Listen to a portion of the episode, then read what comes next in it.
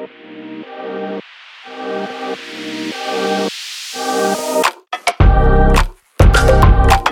guys, welcome back to Lovin Dubai Show podcast. Today we discussed the new five year tourist visa and your thoughts on the big maternity leave in Dubai story. And so, if you are not subscribed to our podcast, what are you doing? Go subscribe to the Lovin Dubai Show podcast wherever you get your podcasts from. Enjoy the show.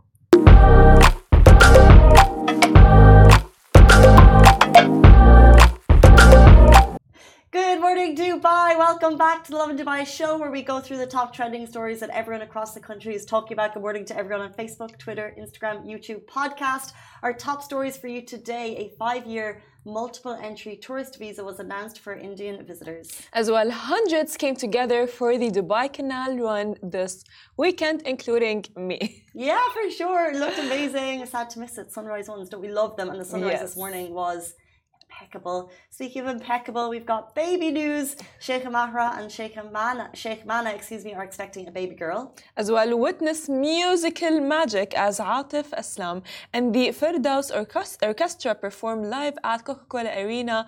We are going to be talking about it all.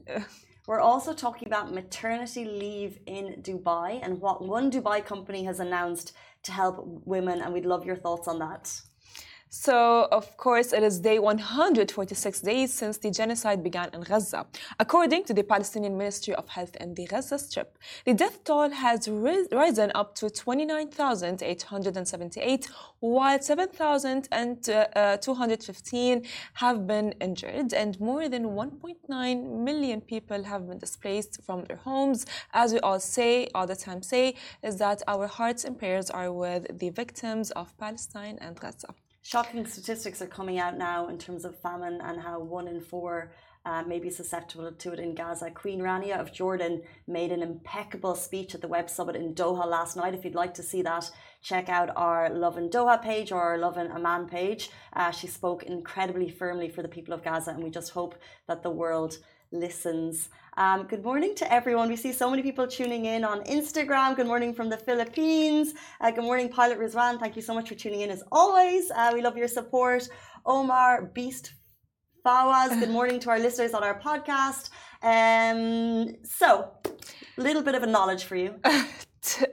Tomorrow's leap year, you guys, and Katie just shared the most shocking information ever. I mean, when she told me that, I was like, You Whoa. never knew about the leap year tradition. I never knew. and I was like, oh my God, that would have been perfect if I knew that back then. I would have used it to my advantage. Well, you can use it every four years, Farah. I mean, yeah, for sure. I mean, you know what? You should tell them. What is it? So, according to Irish folklore tradition, and I don't even want to use the wording because the wording is so archaic, but yet every leap year, so once every four years, it's the ladies' privilege, it's also known as Bachelor's Day, that we can go propose to men. And it was kind of like this underlying, like, you know, this little tradition kind of known in Ireland Okay. until Amy Adams came along and made a very questionable movie about it. But she kind of brought it to the table that, okay, women can propose on this day. Not they can, we can propose any day, but it's uh, it's a special magical day that proposals are allowed for women. So men, watch out. Girls, would you propose to your man? I, I could never. I mean, I could I could never. Casey, literally, I have this like thing in my head. It's like no. Uh, sorry, We're for that, struggling. but, um, I have this like thing in my head, like, hey, um, I'm like the girl, and all I want is just like queen energy, and I'm not gonna accept anything less than that. Your audio's down, sorry, we need to get your Oh. mic.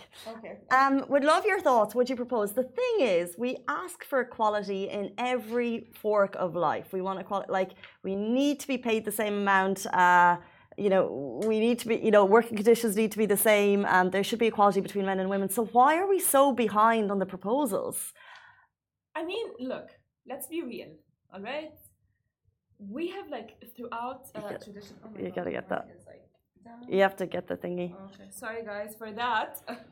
This is what this is what happens when you talk about is what- superstitions. I mean, this is what happens when you talk about superstitions. Okay, would you propose to your man?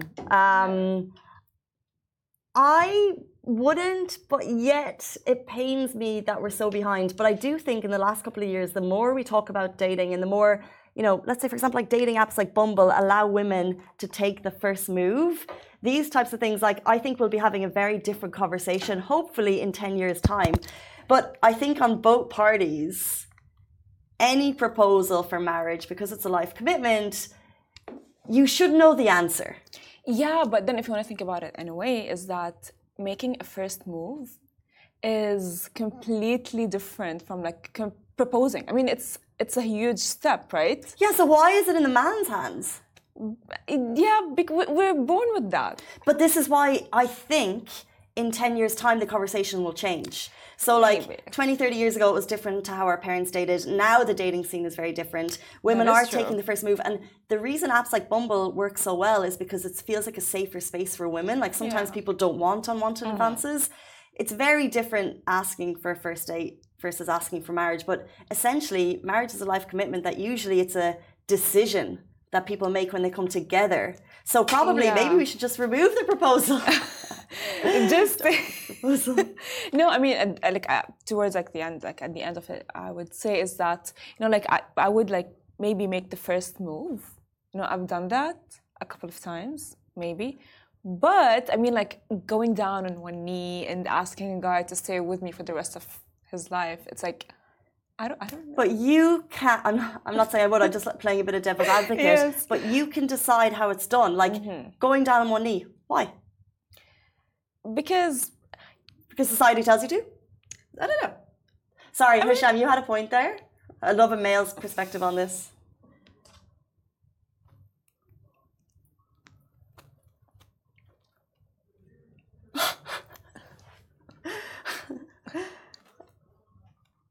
Hisham, Hisham, I can't agree with that statement. Sorry, Hisham just said no offense uh, to females and males, but it's with the man because life responsibility is in his hands.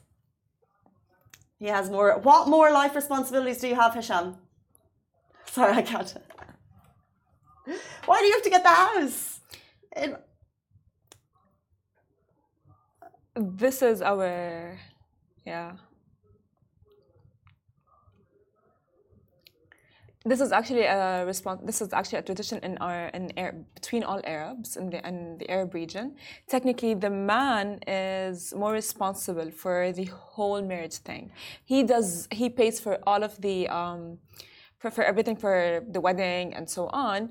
But as he said, after marriage, it's like often like the woman. But has time changed? Because that was kind of similar. Um, and I know every culture is different back in the day, it was the case that mm-hmm. either the man's or the woman's family would pay for it and then responsibilities change. But in the last five, ten years, we have to recognize that times have changed.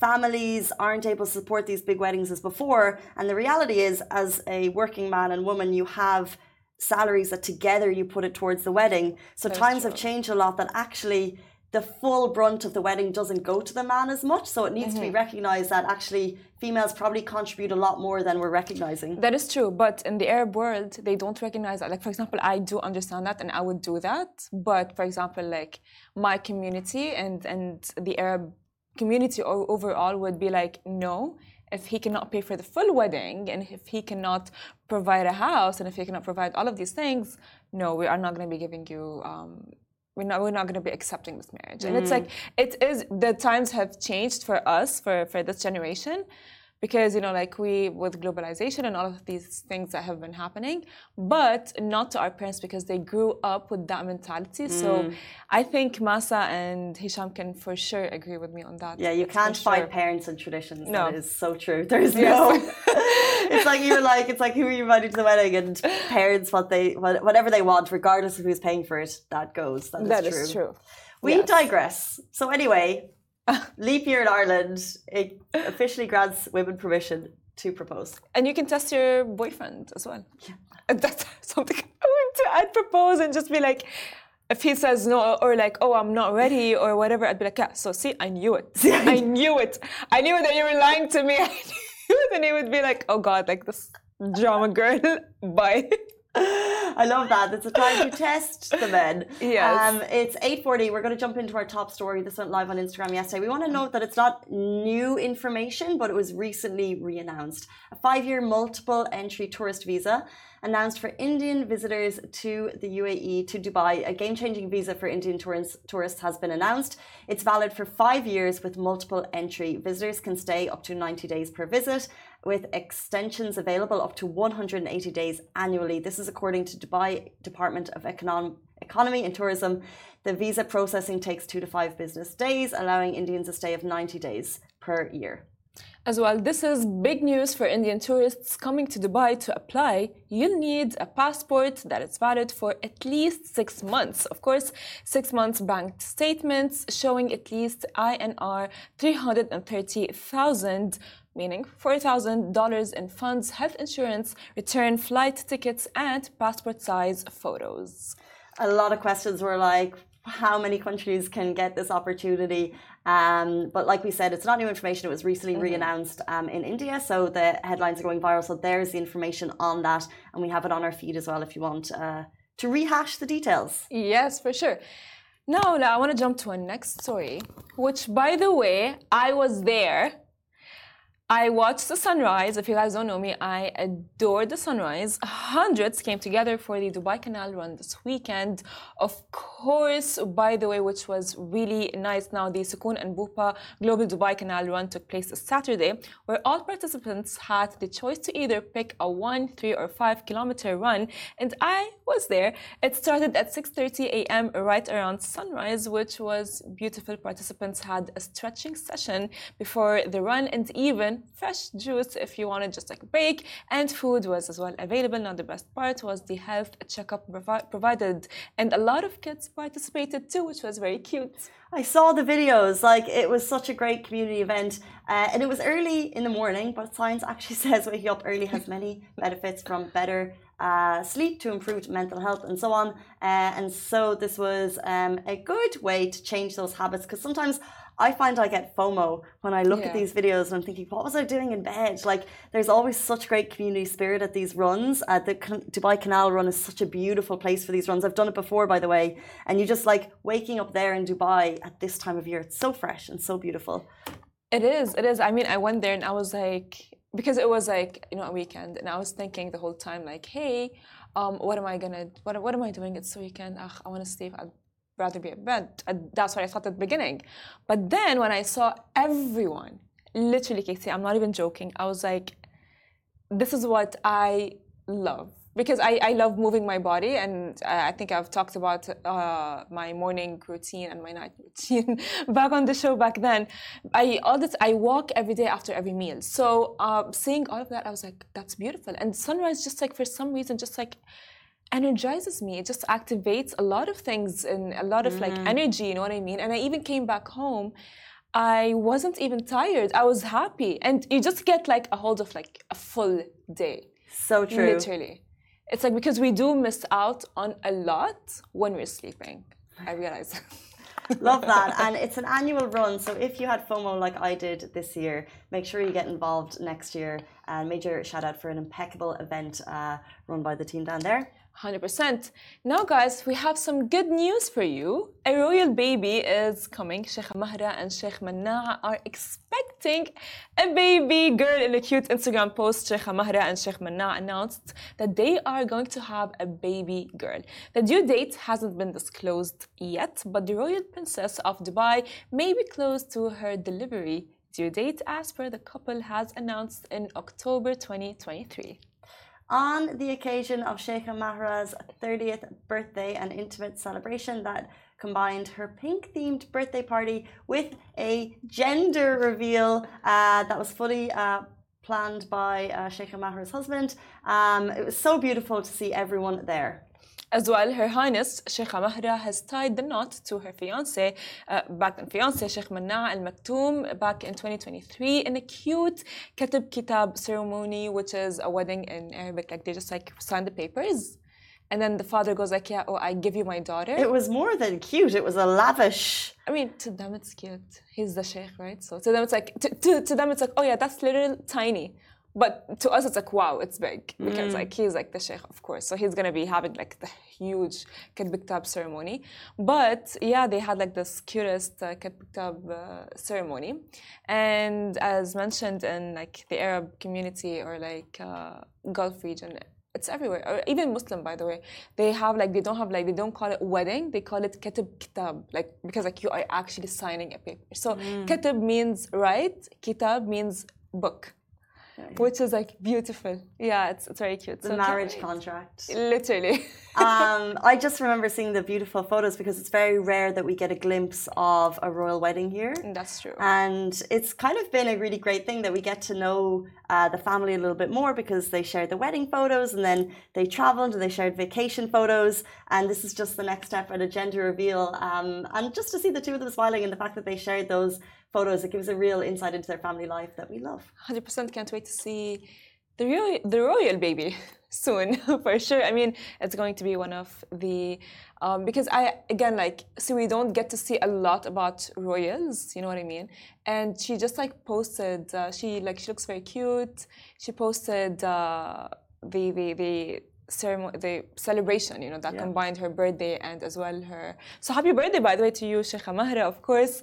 Uh, if you are watching, that would be amazing. But I actually can't wait to um, see the royal baby. They are so in love. She even had like this um, cute Just on her Instagram. I would say, oh my god, I'm so sorry. I forget. I forget sometimes that there's people watching and that I can't sing. it's okay. Speaking it's of someone okay. who can sing, let's jump into our next story. Mm, it's okay. So our next story is Atif Aslam and the Firdaus Orchestra will perform live at Coca-Cola Arena. So you can experience the magic once again. Atif Aslam and the Firdaus Orchestra are back for a night you will not forget. Be a part of this impeccable evening at Coca-Cola Arena on March 2nd at 9 a.m. for an unforgettable night of soulful melodies and uh, symphonic brilliance, of course, from Jeena, Jeena to Dil Diyan Gallan. That is 9 p.m. and this is a, a concert you will not want to miss experience the heart and soul of his music like never before. We know tickets like for this are going to fly, so if you want to get them, get them now. Starting from 100 dirham, you can get them at coca-colaarena.com. Uh, get your tickets ASAP. It's not not going to be one that you want to miss. Uh, and like I said, they'll fly. So get on to Coca-Cola Arena now. Um, 847, let's jump into our next story. Maternity leave has been extended to 70 days by this Dubai company. Alpha Nero is a Dubai-based reta retail design and production company. They have announced a new 70-day paid maternity leave policy. This is actually, as they noted, the first for an SME, small to medium enterprise, in the region within the manufacturing industry to champion better working environments for women by extending the statutory maternity leave policy, which, by the way, currently sits at 60 days 45 days of those are fully paid and 15 days of those are half paid. The small company commented that they, the company carries a mission to enhance work-life balance for female employees, giving them a chance to have fulfilling careers and spend enough time with families as mothers and caretakers to avoid the harmful effects of burnout. Interestingly, um, we love updates uh, when kind of uh, private companies, I guess, make a move beyond the expectations of what the government says. So in this case, uh, they went from 60 days mm-hmm. to 70 days full paid. So it's amazing to see that. However, the responses were a, a bit of a mixed bag, with many people jumping in just questioning, is 70 days enough? You know, and like, could could could we do more? But I, I still think on a small company level, it's amazing what they've done. Mm-hmm. But the comments are asking, is it enough? Of course, you know, because um, when a mother is when a mother just gives birth and has a baby, specifically if she is a new mother, it's not easy to immediately adapt to the, you know, like having a new baby and taking care of the baby and all of these things. So I would understand where the comments come from, but the fact that they have as you said, it's a small company and they have changed it from 60 days to 70 days. That is a good improvement. Of course, you never know what's going to happen in the future, right? So mm. um, that is, as I said, it's a good improvement. The fact that they have acknowledged that and they have acknowledged because actually like actual psychological burnout and, and, and all of these things will be there if you're like you just gave birth and you have to take care of the new baby and you have your job and you have all of these things you're not going to be able to juggle between all of these things so this leave mm-hmm. is i would say very beneficial. Yeah, it was um, Mona Kattan agrees. She does. Yes, she praised the move, so I think that's pretty cool to see. Uh, she acknowledged it on the post. Mm-hmm. Um, other people kind of said, uh, you know, some countries get six months, but I think that's more of a comment as a general rather than uh, towards the company. But as you said, it caring for a baby, like I can't even imagine. Like we'd love to get mom's thoughts on this, by the way. If, if you're a mom and you're watching, um, but it has to be acknowledged that a lot of people have done 45 days and gone back to work. Um, a lot of people have done 60, so some people don't have the, you know, like you may have to go back after this time and people have done it. So if you have done it uh, and you're watching the show right now, we'd love you to drop us a comment. Um, if you're listening on podcast, feel free to DM us later. Um, we love your thoughts. Um, and if you'd like to comment on the story uh, publicly also, uh, we'd love to get that as well. So send us a DM right now or later in the show. Um, do you think 60 days is enough? Have you done it? And what was that like for you? 100%. Uh, okay, 8.51, which means it is time for our next guest. He's watching, pacing back and forth behind us in the copy room. We're going to be joined by Swerte very, very shortly. He'll be with us after this very short break. Do stay tuned.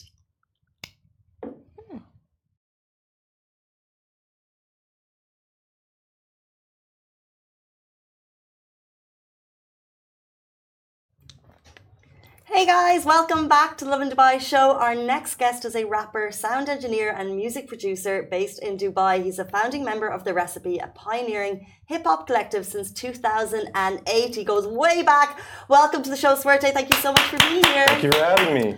We're excited to get to know you a little bit more. Yeah, I'm excited Yeah. to chat with you. And my first question for you is that you go by your stage name, Swerte, but also your name is Lucky. Luki. Yeah. Luki, Spelled Lucky, sorry. but pronounced Lucky. Lucky. all Yeah. right. So if you can just like tell us about that. Tell us about your stage name and where do you get that from, and as well about So in Indonesia, I went to an American high school. Well, it was an international school, but American American curriculum. And I had a lot of Filipino friends, and they read my name as Lucky, and Swerte is Lucky in Tagalog. So they started calling me Swerte. Oh. And then when I decided to get into to start rapping and do music and stuff, I just decided to stick with Swerte as the stage name. Because when I was reading it, I was like, is Lucky the stage name or is Swerte the It's- stage name? it's really funny when like I bring my pet my pets to the vet and like they start talking to my cat or my dog like, "Hey, Lucky, how are you doing?" It's like, no, it's- Um, so back then, uh, when they started calling you Swerte, were you doing music then, or like when did you? no, when I, did you- I, I did didn't it grow? I didn't start doing music until until I was like 15 or 16. But I like they started calling me Swerte since I was like eight years old or something like that. Um, but yeah, when I started doing music, like you know, I was like, oh, I gotta have a stage name, and it was like, what should my stage name be? And I was like, you know, I really like Swerte, so I'll just I'll just go with go with that. What did starting music like? What what did that entail? Like, when did you realize that a you liked it, loved Mm-hmm. it, and b it was your passion? I fell in, I knew I wanted to do music when I first watched my brother perform um, in a marching band. So he was like in a high school marching band. And in Indonesia, it's like a big thing. Like they have like huge marching band competitions. And I must have been like, I don't know, nine, ten years old or something. And we we went into this huge, huge like indoor stadium for this competition. And you know, as as a kid, seeing like this huge crowd and then this massive marching band come in, and like it's not like they just play stationary; they do all the moves and stuff. So just like that loud experience with that crowd and seeing everyone cheer, I was just like, I want this, like Mm. this vibe, this feel, like I want this, you know, and that's that's probably like the first time that music, especially live music, had an impact on me. Interesting. Yeah. Cool. Speaking of huge, um, you recently posted that you were part of the Vulture Reds for Kanye, Yeah, and yeah. Uh, exactly. So tell us more about that. Like, how how was it like? Because like clearly, like you're that huge that you participated with Kanye. So when I wanted to, um, you know, when I decided that I wanted to take music a little bit more seriously, I decided to study sound engineering. Um, and from that, I then wanted to be a little bit more specialized. So there's a industry industry standard um, music software like um, called Pro Tools. And so I decided that I wanted to study that and become a certified Pro Tools operator, which is what I eventually became. And then I moved to Dubai. And in Dubai, uh, like I, I, my day job is a sound engineer. You know, that's what I do. I, I work with sound, whether that be making my own music, whether that be making music for other people, whether that be uh, you know, doing sound design for for TVCs and stuff like that. But that's what I do. And then end of November, all of a sudden I get a phone call, and they're like, "Hey, um, Kanye's in town, and he's working on his album, and they specifically want a certified Pro Tools operator, and there's not many of them here." And there's only one of them that's like into hip hop, and that's you. So would you you know, could you do it? Like, would you be up for it? And I was like, hmm, let me think about me it. think, Work with yeah. Kanye. I'm so, sorry. Um, What type of phone call is that? That like, that's peak. You get a phone call saying Kanye's in town. He wants to work with you. Yeah, I mean, yeah, he was looking for a Pro Tools engineer, and you're like one of the few. Yeah, you know. Cool. Um, yeah, I mean, his his team probably reached like they've you know they've they've been here a few times. Um, his engineers are DJs as well, so they come into town and, and they DJ over here. Uh, so they know some people out here, and I guess they just reached out to all the different studios and stuff. And you know, I've I've worked with a lot of people here, um, and so they all know that I'm I'm a Pro Tools operator. They know what I do, Um, and so they were all just like, yeah, there's only one guy for the job. Hmm. So We we've got to ask. What was he like to work with?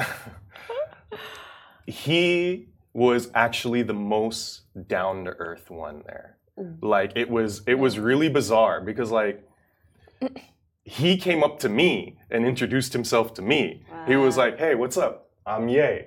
And I was like, "Yeah, of course. Of course I know you. Of course. um, and yeah, he was he was just normal, you know, like uh, it, it was it was so surreal. Like I think I was I, like all of us in the room were kind of in shock when when he walked in because we didn't expect him to be there that day. Um, so when he came in, it was just like, oh my God, he's here. You know, even the other like you know musicians and stuff, uh, they they were shocked that he was there. Um, like he has that type of presence, you know. Yeah. Um, but he himself, like, just a normal guy. You know, he was just like, "What are you guys doing? Show me what you guys are working on." Cool. Yeah. That's actually very cool because I'm a fan of Kanye myself. So mm-hmm. if you see him next time, just tell him that. you tell him. just tell him that. it's okay. Um, so actually, what inspired you to bring like Indonesian music to mm-hmm. Dubai? So, my father is Swiss. My mother's mm-hmm. Indonesian. Okay. And my whole life, I've had this sort of, I don't know if you call it a struggle, but like maybe an infatuation with mm-hmm. identity. Yeah. Because in Indonesia, even though I was born and I grew up there, my Indonesian family considers me Swiss. Okay. right? But then when I go to Switzerland, my Swiss family considers me Indonesian, right? And early on, it bothered me, but then like I started looking at I started looking at the similarities between the two cultures, you know, because that's that's who I am.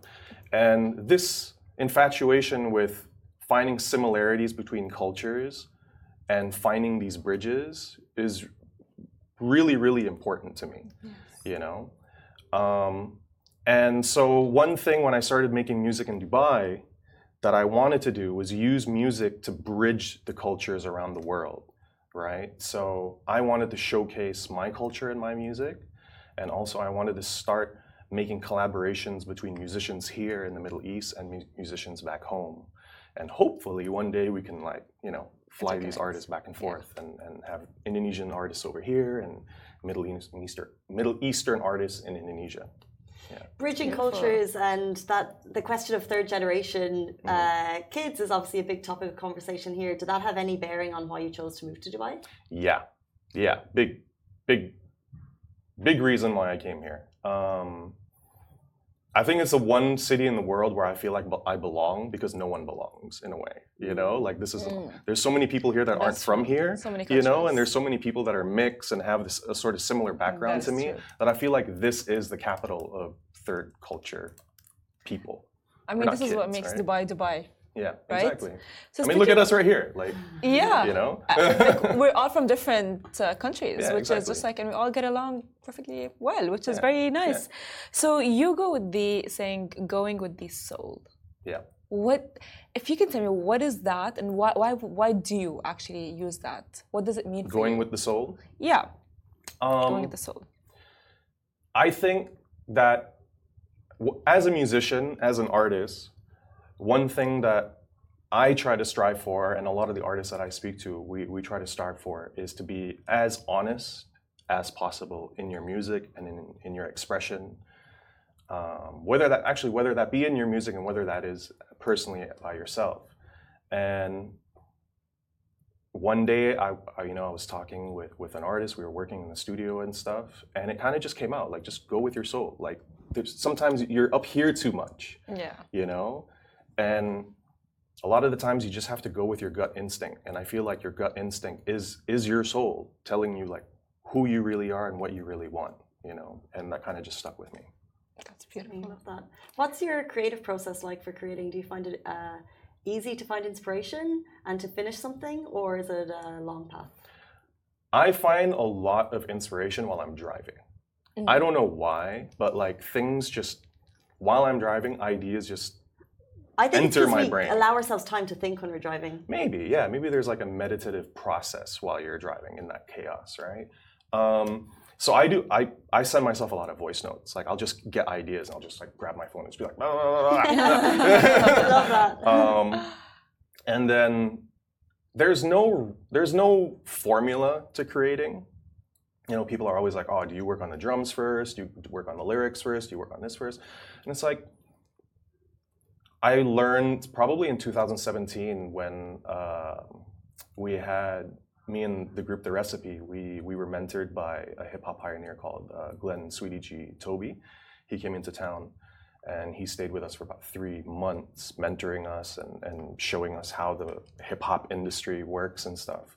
And the one thing that he you know, we, we thought, okay, when we go in the studio, we have to work on music that's for a specific project. Like it either has to be for a single or it has to be for an album or something like that. And he was like, no, just go in and make music. Do whatever you feel like. We'll worry about that later, you know? Um, and that really opened my eyes to like, you know what? Like, you, again, go with your soul. Like, go in and if you feel like writing lyrics today, write lyrics. If you feel like working on drums, work on drums. If you feel like just messing around and making noise, mess around and make noise, you know? Yeah. Speaking of um, going with your gut instinct and you know going going with the soul, what draws you to collaborate with artists like um, Perfect Storm? Perfect Storm. Um, he's like a brother to me. Shout out to Perfect Storm. Um, he's having a kid next month, so excited for that. you know, paternity leave and everything. You know. um, when I when I moved to Dubai, this is part of my Indonesian culture. When you when you go to somebody's house, you're a guest. Yeah, you don't just walk into someone's house and put your feet up on the table and stuff like that. So when I first moved to Dubai, um, I didn't want to just start going around and be like, "Hey, I'm I'm this new musician in town. I'm a sound engineer. I'm this and that." Like, I didn't want to do that. Um, I didn't feel right. So I came into town and I wanted to. I, I I became a fan of the scene. I wanted to know who was who, who was doing what, who were the musicians here, what were they about, what's the music scene out here like, you know mind you, this is back in 2006. Like there wasn't there was a music scene, but there wasn't a lot going on. Um, but what was going on was really interesting because it was super unique to Dubai, and Perfect Storm was a local legend already at that time. Um, and what drew me to him was just his his writing capability. Like he was so good at not only expressing himself, but putting things in a way that just were so smart but so simple at the same time, you know. Um, and yeah, like I, I finally worked up the courage to approach him one night in a club and, and introduce myself to him, you know, because I really was a fan. I was like, oh my god, like you know, okay, I'm gonna I'm gonna try and work with this guy. Um, and we've become brothers. Like he's literally like a brother to me now. Like from from that day forward, like I really haven't done anything musically in the city without him. He's come with me on tours to support me on tours and stuff in back in Indonesia. Um, yeah, that's that's my brother right there. Amazing that these bonds can be formed. Um, can you describe how how to phrase this? Can you describe your thoughts on how the music scene has changed? Oh, it's changed so much. The, since you came here in 2000. It's changed so much. Um, just in terms of support, you know, I think it took a while for brands and industry uh, leaders to really trust in the local community. I remember when we, you know, when we started doing things, even up to 2011, 2013, probably even later than that, like 2015, 2016, like brands were a little bit reluctant to work with local artists, you know, and feature them on billboards and, and do like full on, you know, commercials and stuff with them. Um, and that's that's changed a lot now. And to see that kind of support for musicians and artists and stuff is amazing. Mm-hmm. Um, and I think we're now slowly, well, slowly. I think it's happening quicker now, like exponentially. Um, getting to a point where musicians are going to really just be able to be musicians and make a living from their art and their craft, you know, without having to rely on a day job or something like that. Yeah. It's taken time. Yeah. It has. Um, so, would you try to adopt new genres of music? I think new genres of music are being made every single day, you know. Um, again, back when we started making music, like if you wanted to to make music, you you had to go to some someone who could afford the, the equipment, you know, or go to a professional studio and stuff. But nowadays, like like programs that make music are so easily available. You buy a Mac and it comes with GarageBand, and you can you know you can start making music on that.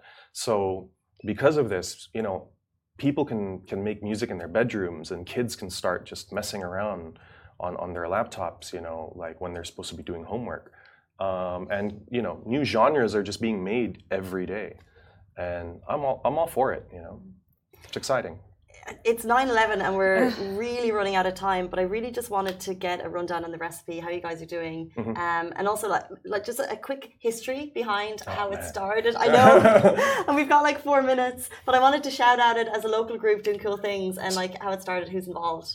Okay so um, sorry. so back in 2000 2007 2008 yeah. um, you know as i mentioned there there was a tiny music scene here but in terms of a music community, in hip hop, there really was no community. And maybe this is just because of the you know competitive nature of hip hop that everyone thought they were better than the other or whatever, and, and no one really wanted to work together. Um, so I decided, okay, you know what?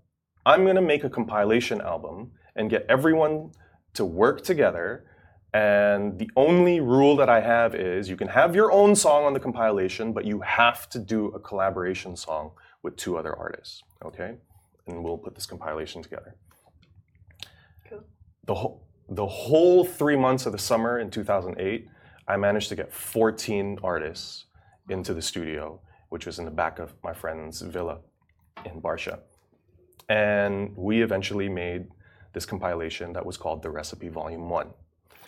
And then not long after that, there was a local promoter who was doing like local monthly band nights. His name is Nickel. Shout out to Nickel.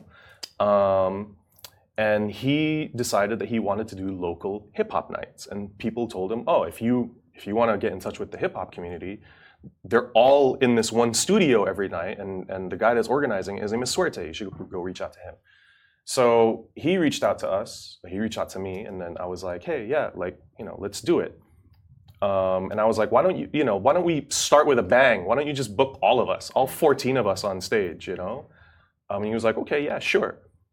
And we then build it as the first time that local hip hop acts would headline their own show. Because it really was the first time that local hip hop acts put on their own event and headline their own show. Before that, it was opening for Coolio, opening for 50 Cent. It was just as opening acts, right? This is the first time we we had people fly in from Bahrain, from Qatar, from Saudi. It was packed.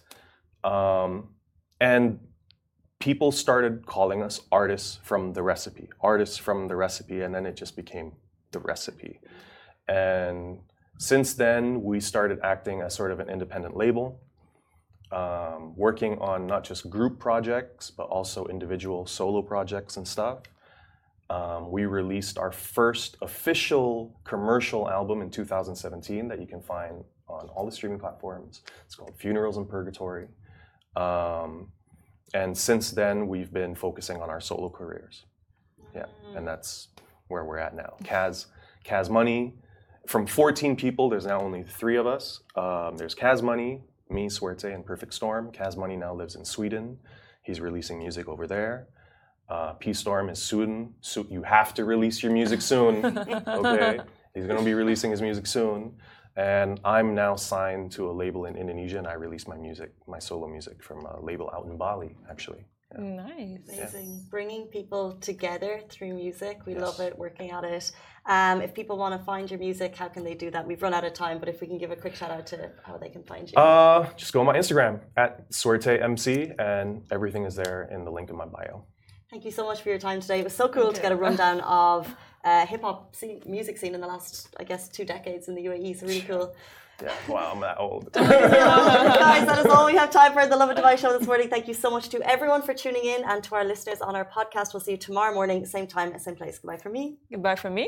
and goodbye for me. You nailed that extra host there. Thank you.